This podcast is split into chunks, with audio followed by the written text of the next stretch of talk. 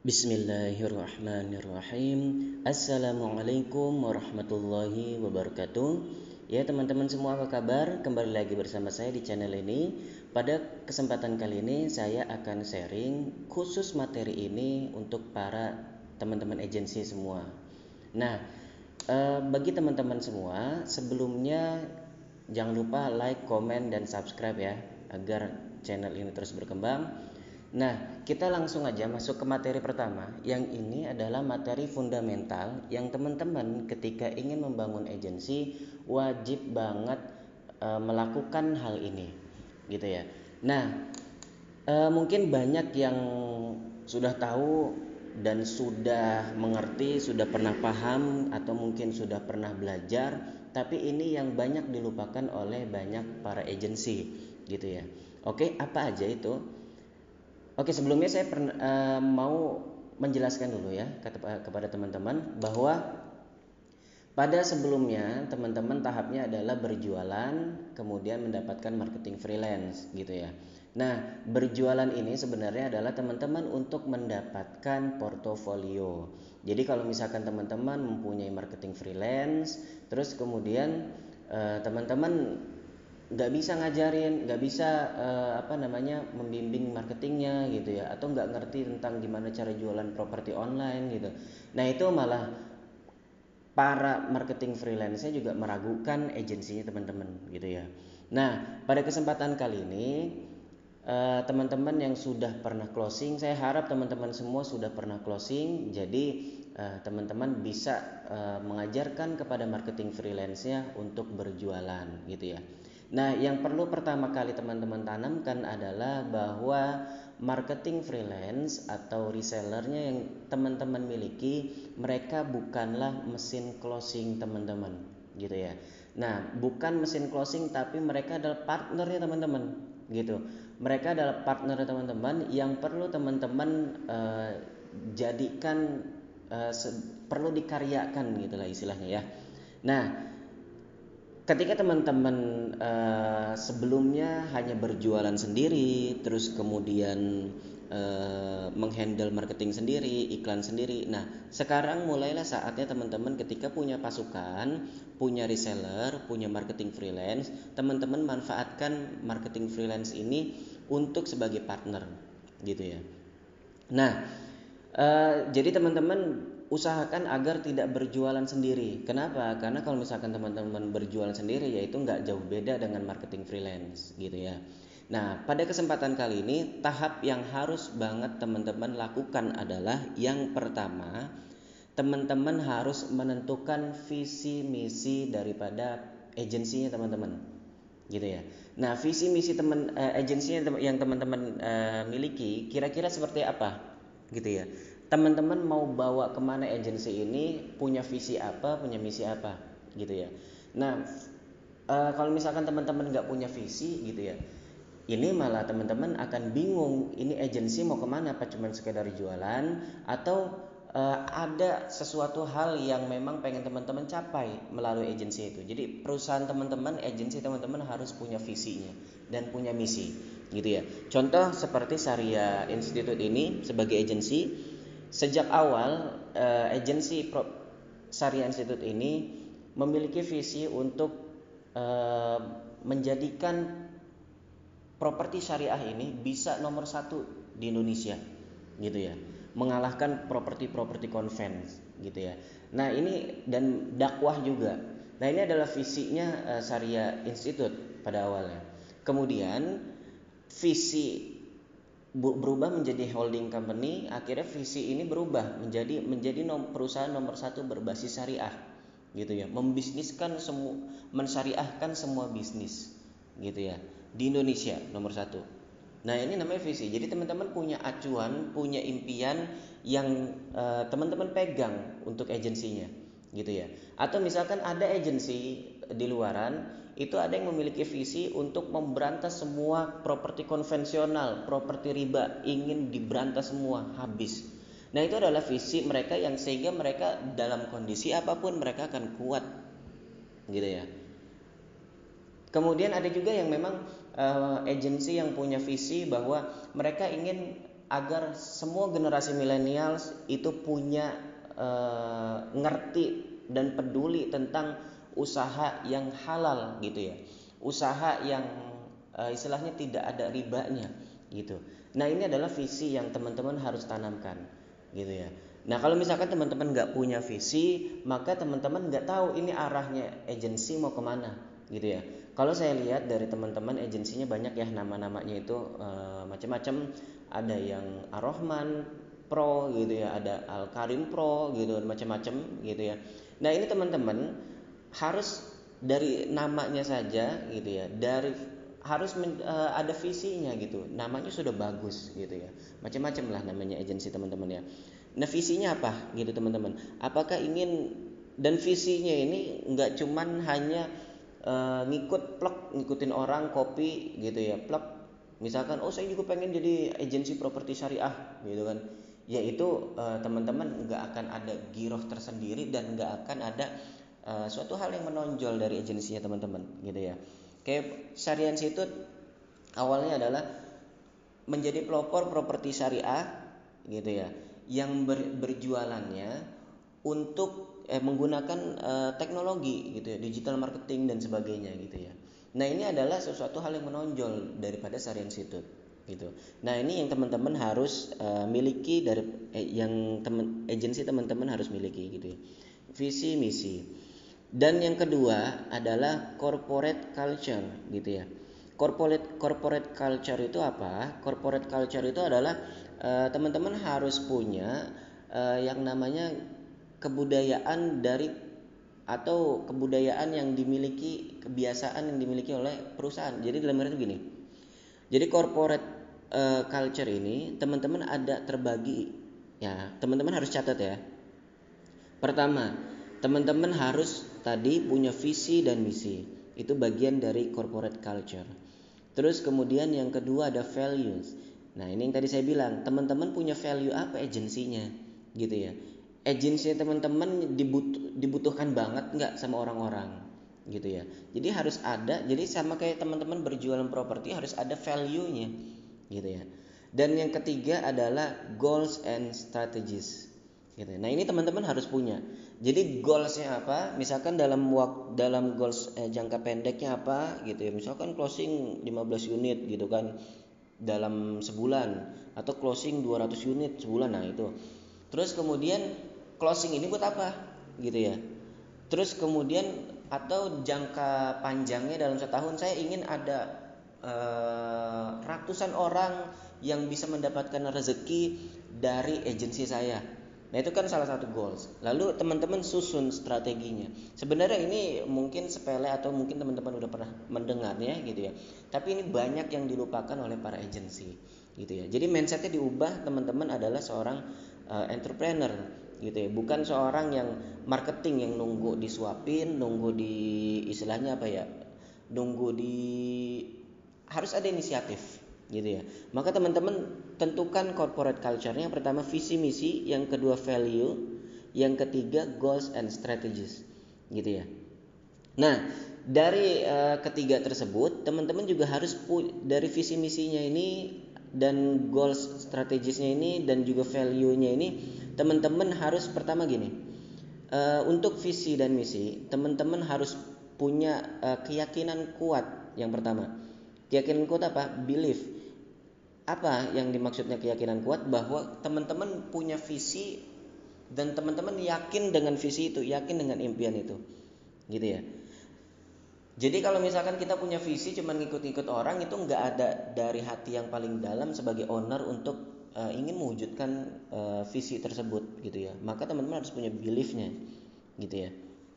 Dan kemudian yang kedua teman-teman harus harus punya collective approach gitu ya teman-teman harus punya collective approach uh, pendekatan kolektif gitu ya jadi nanti ketika teman-teman punya marketing, pendekatannya seperti apa nih kepada kepada marketing gitu ya. Nanti punya karyawan pendekatannya seperti apa, punya admin uh, pendekatan seperti apa. Teman-teman harus tahu gitu ya.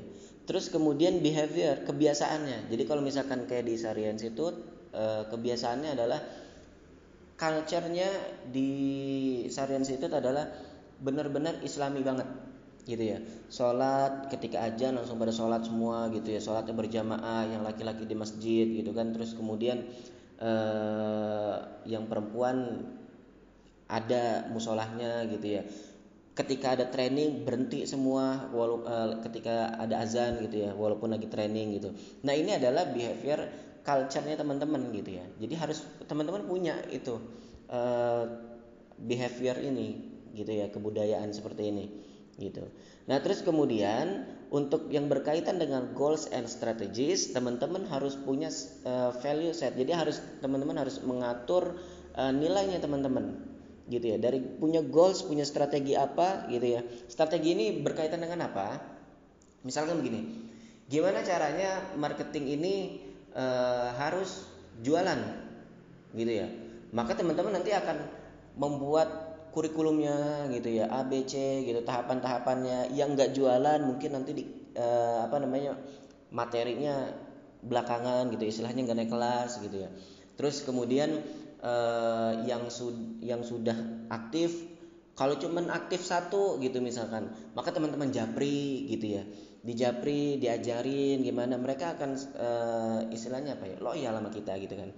Terus kemudian uh, mereka yang udah aktif tapi nggak nggak apa namanya belum closing closing gitu. Nah itu Eh, teman-teman gali kenapa nggak nggak closing? Apakah karena iklannya yang kurang bagus? Atau mungkin dari pribadinya yang mungkin punya uh, salah gitu atau punya beban masa lalu gitu ya.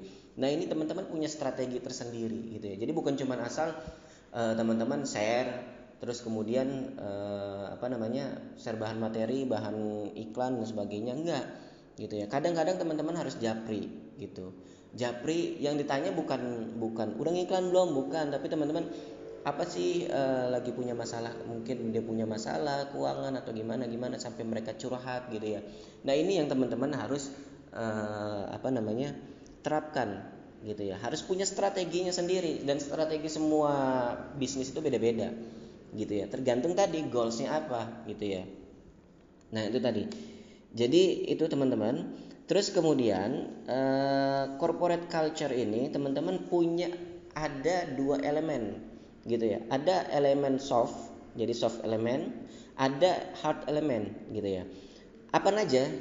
Jadi untuk uh, soft elemen ini pertama adalah skills gitu ya. Nah, skill ini teman-teman sebagai owner ya, sebagai pemilik agensi, sebagai entrepreneur, sebagai istilahnya CEO-nya walaupun sekarang masih shift everything gitu ya. Tapi teman-teman sebagai pemilik sebagai CEO dan teman-teman harus punya skill minimal leadership. Gitu ya. Leadership ini apa? Leadership ini teman-teman harus inisiatif gitu ya. Harus uh, mau mengulik sampai dalam gitu ya. Mau mencari gitu. Jadi uh, seorang entrepreneur itu harus punya yang namanya jiwa inisiatif leadershipnya gitu. Jadi tanpa disuruh dia udah langsung cari tak tak tak tak tak, tak gitu ya. Gimana cara eh, ngerekrut marketing yang bagus gitu.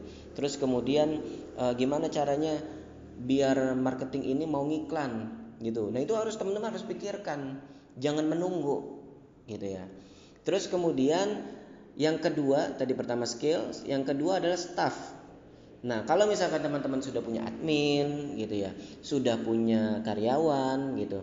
Nah, ini teman-teman e, harus istilahnya apa ya? Staff ini gimana caranya dia akan bekerja baik mencapai target gitu ya. Misalkan dia admin, maka gimana caranya admin ini harus bisa meramaikan grup gitu ya. Harus bisa apa namanya?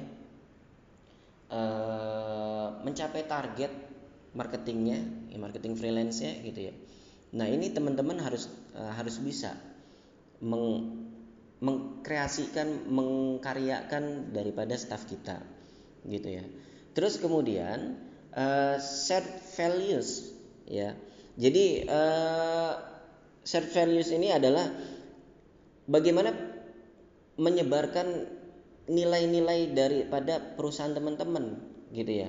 Jadi value-nya nilai-nilai kayak tadi misalkan eh, apa namanya tentang kebudayaan sholat tepat waktu dan sebagainya gitu nah ini harus teman-teman punya gitu ya. Lalu kedua uh, itu adalah soft elements ya, ada tiga ya. Kemudian hard elementsnya apa? Yang pertama teman-teman harus punya strategi, gitu ya. Jadi jangan sampai teman-teman bingung gitu ya. Terus kemudian uh, ini marketing nggak aktif misalkan, atau misalkan marketing ini cuman sedikit, saya pengen nambah marketing gitu ya. Terus jadi teman-teman punya mentor, maka teman-teman tanyanya jangan cuma sekitar ini gimana cara jualan ini. Teman-teman sebagai agensi harus berpikirnya bukan lagi gimana cara jualan gitu ya. Tapi teman-teman harus berpikir gimana caranya membangun sistem misalkan.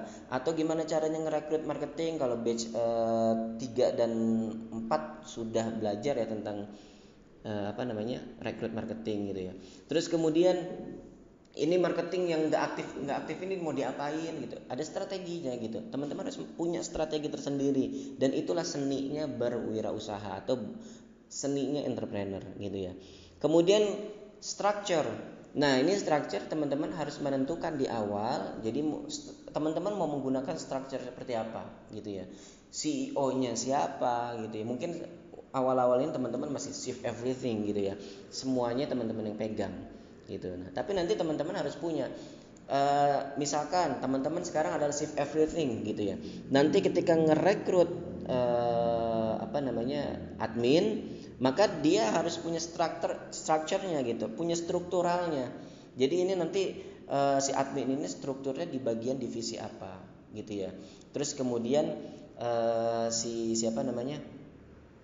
Kalau misalkan kita udah ada bisa nge-hire keuangan, keuangan ini ada divisi keuangan gitu ad, uh, administrasi gitu ya nah ini teman-teman harus bikin strukturnya karena apa? Ketika teman-teman sudah bikin strukturnya maka teman-teman akan melihat teman-teman butuh key personnya berapa. Key person itu apa? Key person itu orang-orang yang teman-teman bisa istilahnya dengan adanya dia divisi ini bagian ini akan hidup. Misalnya ini sederhananya teman-teman misalkan bikin eh, CEO-nya teman-teman di bawahnya ada leader agent terus kemudian di sebelahnya ada administrasi keuangan di sebelahnya ada uh, apa namanya hubungan humas gitu yang nyari-nyari listingan dan sebagainya gitu ya. Terus kemudian nanti ada branding marketing jadi maksudnya brandingnya agensi teman-teman. Nah ini kalau misalkan teman-teman masih shift everything mungkin bisa teman-teman kerjakan sendiri. Tapi ketika teman-teman paling enggak ketika teman-teman sudah menentukan strukturalnya teman-teman akan tahu saya butuh uh, orang yang bisa menghandle leader agent. Gitu ya. Jadi teman-teman gak usah pusing-pusing cari key personnya. Siapa sih orang yang bisa kita percaya untuk uh, apa namanya memegang memanage LAC leader agent gitu ya. Nanti leader agent itu gimana? Leader agent kalau misalkan udah istilahnya marketing kita banyak maka akan butuh leader agent leader agent lainnya gitu ya. Nah key person ini yang akan megang jabatan uh, sebagai kepalanya leader agent. Nah ini namanya key person gitu ya. Paham ya teman-teman ya? Terus kemudian di keuangan juga sama, di branding misalnya juga sama gitu ya. Nah ini kalau teman-teman sudah punya struktur, maka teman-teman akan mudah untuk menemukan, mencari key personnya. Jadi orang kunciannya teman-teman. Jadi dalam perusahaan itu teman-teman nggak perlu banyak karyawan, tapi hanya cukup cari sat, cari uh, key person dari setiap divisi yang dibutuhkan Kayak misalnya LAC, LAC dengan adanya orang kriteria misalnya orang inisiatif, orangnya uh, rajin, kreatif gitu, uh, apa namanya mudah beradaptasi. Nah ini adalah keeper, mungkin itu kriteria untuk key person kita, maka kita akan mencari orang seperti itu dapat gitu yang akan megang uh, bagian LAC. Ada orang yang detail gitu misalkan untuk di keuangan kita gitu orang yang jujur uh, apa namanya memiliki integritas gitu. Nah ini bisa kita jadiin key person di keuangan dan seterusnya. Ada juga misalkan kayak di bagian uh, humas yang akan cari developer, dia komunikasinya baik gitu ya, mau jalan-jalan keliling-keliling gitu ya. Nah ini juga sama. Nah ini yang saya lakukan juga ketika saya membangun agensi, saya mencari key personnya itu, siapa yang bisa LAC, siapa yang bisa um, istilahnya menghandle marketing, siapa yang bisa jalan-jalan kelalang keliling cari developer gitu ya. Terus siapa yang bisa branding? Kalau bisa saya sendiri ya saya sendiri. Tapi kan nanti kita akan berkembang gitu ya. Nah ini teman-teman harus menentukan strukturnya gitu ya. Yang ketiga yaitu adalah sistem. Nah ini kalau misalkan teman-teman sudah punya karyawan sudah punya tim ingat ya ini tim gitu ya. Timnya teman-teman maka teman-teman harus menciptakan sistemnya gitu ya. Misalkan di LAC leader agent koordinator. Sistemnya itu yang kita mau terapin seperti apa? Gitu ya. Misalkan di di apa namanya Sarian Institute ini bagian uh, marketing itu ada LAC ada bagian rekrutmen ada bagian apa namanya uh, data gitu ya. Nah ini semua satu bagian apa satu divisi ya. LAC cari key personnya bagian rekrutmen cari key personnya kemudian bagian data cari key personnya lalu kemudian nanti teman-teman akan oh kalau misalkan rekrutmen alurnya teman-teman tentuin gimana ngere alur ngerekrutmen alur ngerekrut marketing freelance. Ini rekrutmen khusus marketing freelance ya bukan eh, rekrutmen karyawan alur rekrutmen uh, marketing freelance misalkan teman-teman uh, ngiklan di Facebook gitu ya atau ngiklan di Facebook Ads atau apa rekrut marketing freelance gitu ya terus kemudian teman-teman uh, apa namanya diarahin ke mana uh, customer journey-nya gitu funnelingnya seperti apa gitu ya Nah setelah itu setelah after funnel teman-teman ketika dia udah jadi marketing siapa yang megang? Nah ini LAC misalkan. Nah LAC-nya itu LAC-nya ini eh, apa namanya seperti apa sistemnya gitu ya. Sistemnya LAC ini mungkin ada nanti eh, laporan gitu ya. Nanti kita akan bahas ya tentang laporan-laporan marketing dan sebagainya gitu ya. Nah ini teman-teman akan harus membuat sistem di mana sistem ini bisa dijalankan. Walau istilahnya gini jangan teman-teman terpaku kepada seseorang ya. Kalau misalkan oh gara-gara kalau si A nggak ada sistem kita berantakan. Itu berarti sistemnya nggak kuat. Tapi ketika teman-teman sistemnya kuat maka tanpa ada si A B C dan seterusnya sistem itu akan akan akan uh, bergerak akan tetap berjalan gitu ya. Nah ini uh, daripada apa namanya corporate culture gitu ya. Jadi saya ulang lagi. Dari corporate culture ada tiga hal yang teman-teman harus uh, perhatikan yaitu visi misi kedua value, yang ketiga goals and strategies, gitu ya. Nah, di visi misi ini teman-teman punya yang harus harus punya yang namanya belief, gitu ya, percaya terhadap visi misinya. Yang kedua, di value teman-teman harus punya behavior, ada eh, kebiasaan yang dilakukan teman di perusahaan teman-teman atau di agensi teman-teman gitu ya. Terus kemudian goals and strategies teman-teman harus value set. Jadi teman-teman harus men-setting uh, nilai-nilai untuk menaikkan value ini teman-teman. Gitu ya. Lalu ada collective approach gitu ya. Pendekatan. Nah, ini gimana caranya kita secara semua apa elemen atau semua tim gitu ya yang ada di agensi kita itu kita melakukan pendekatan gitu ya. Pendekatan apa? Pendekatan untuk kita satu visi, kita satu misi dan kita punya value yang sama. Gitu ya. Nah, terus kemudian elements-elements yang ada di corporate culture apa aja? Ada hard elements dan soft elements yang teman-teman harus punya, gitu ya.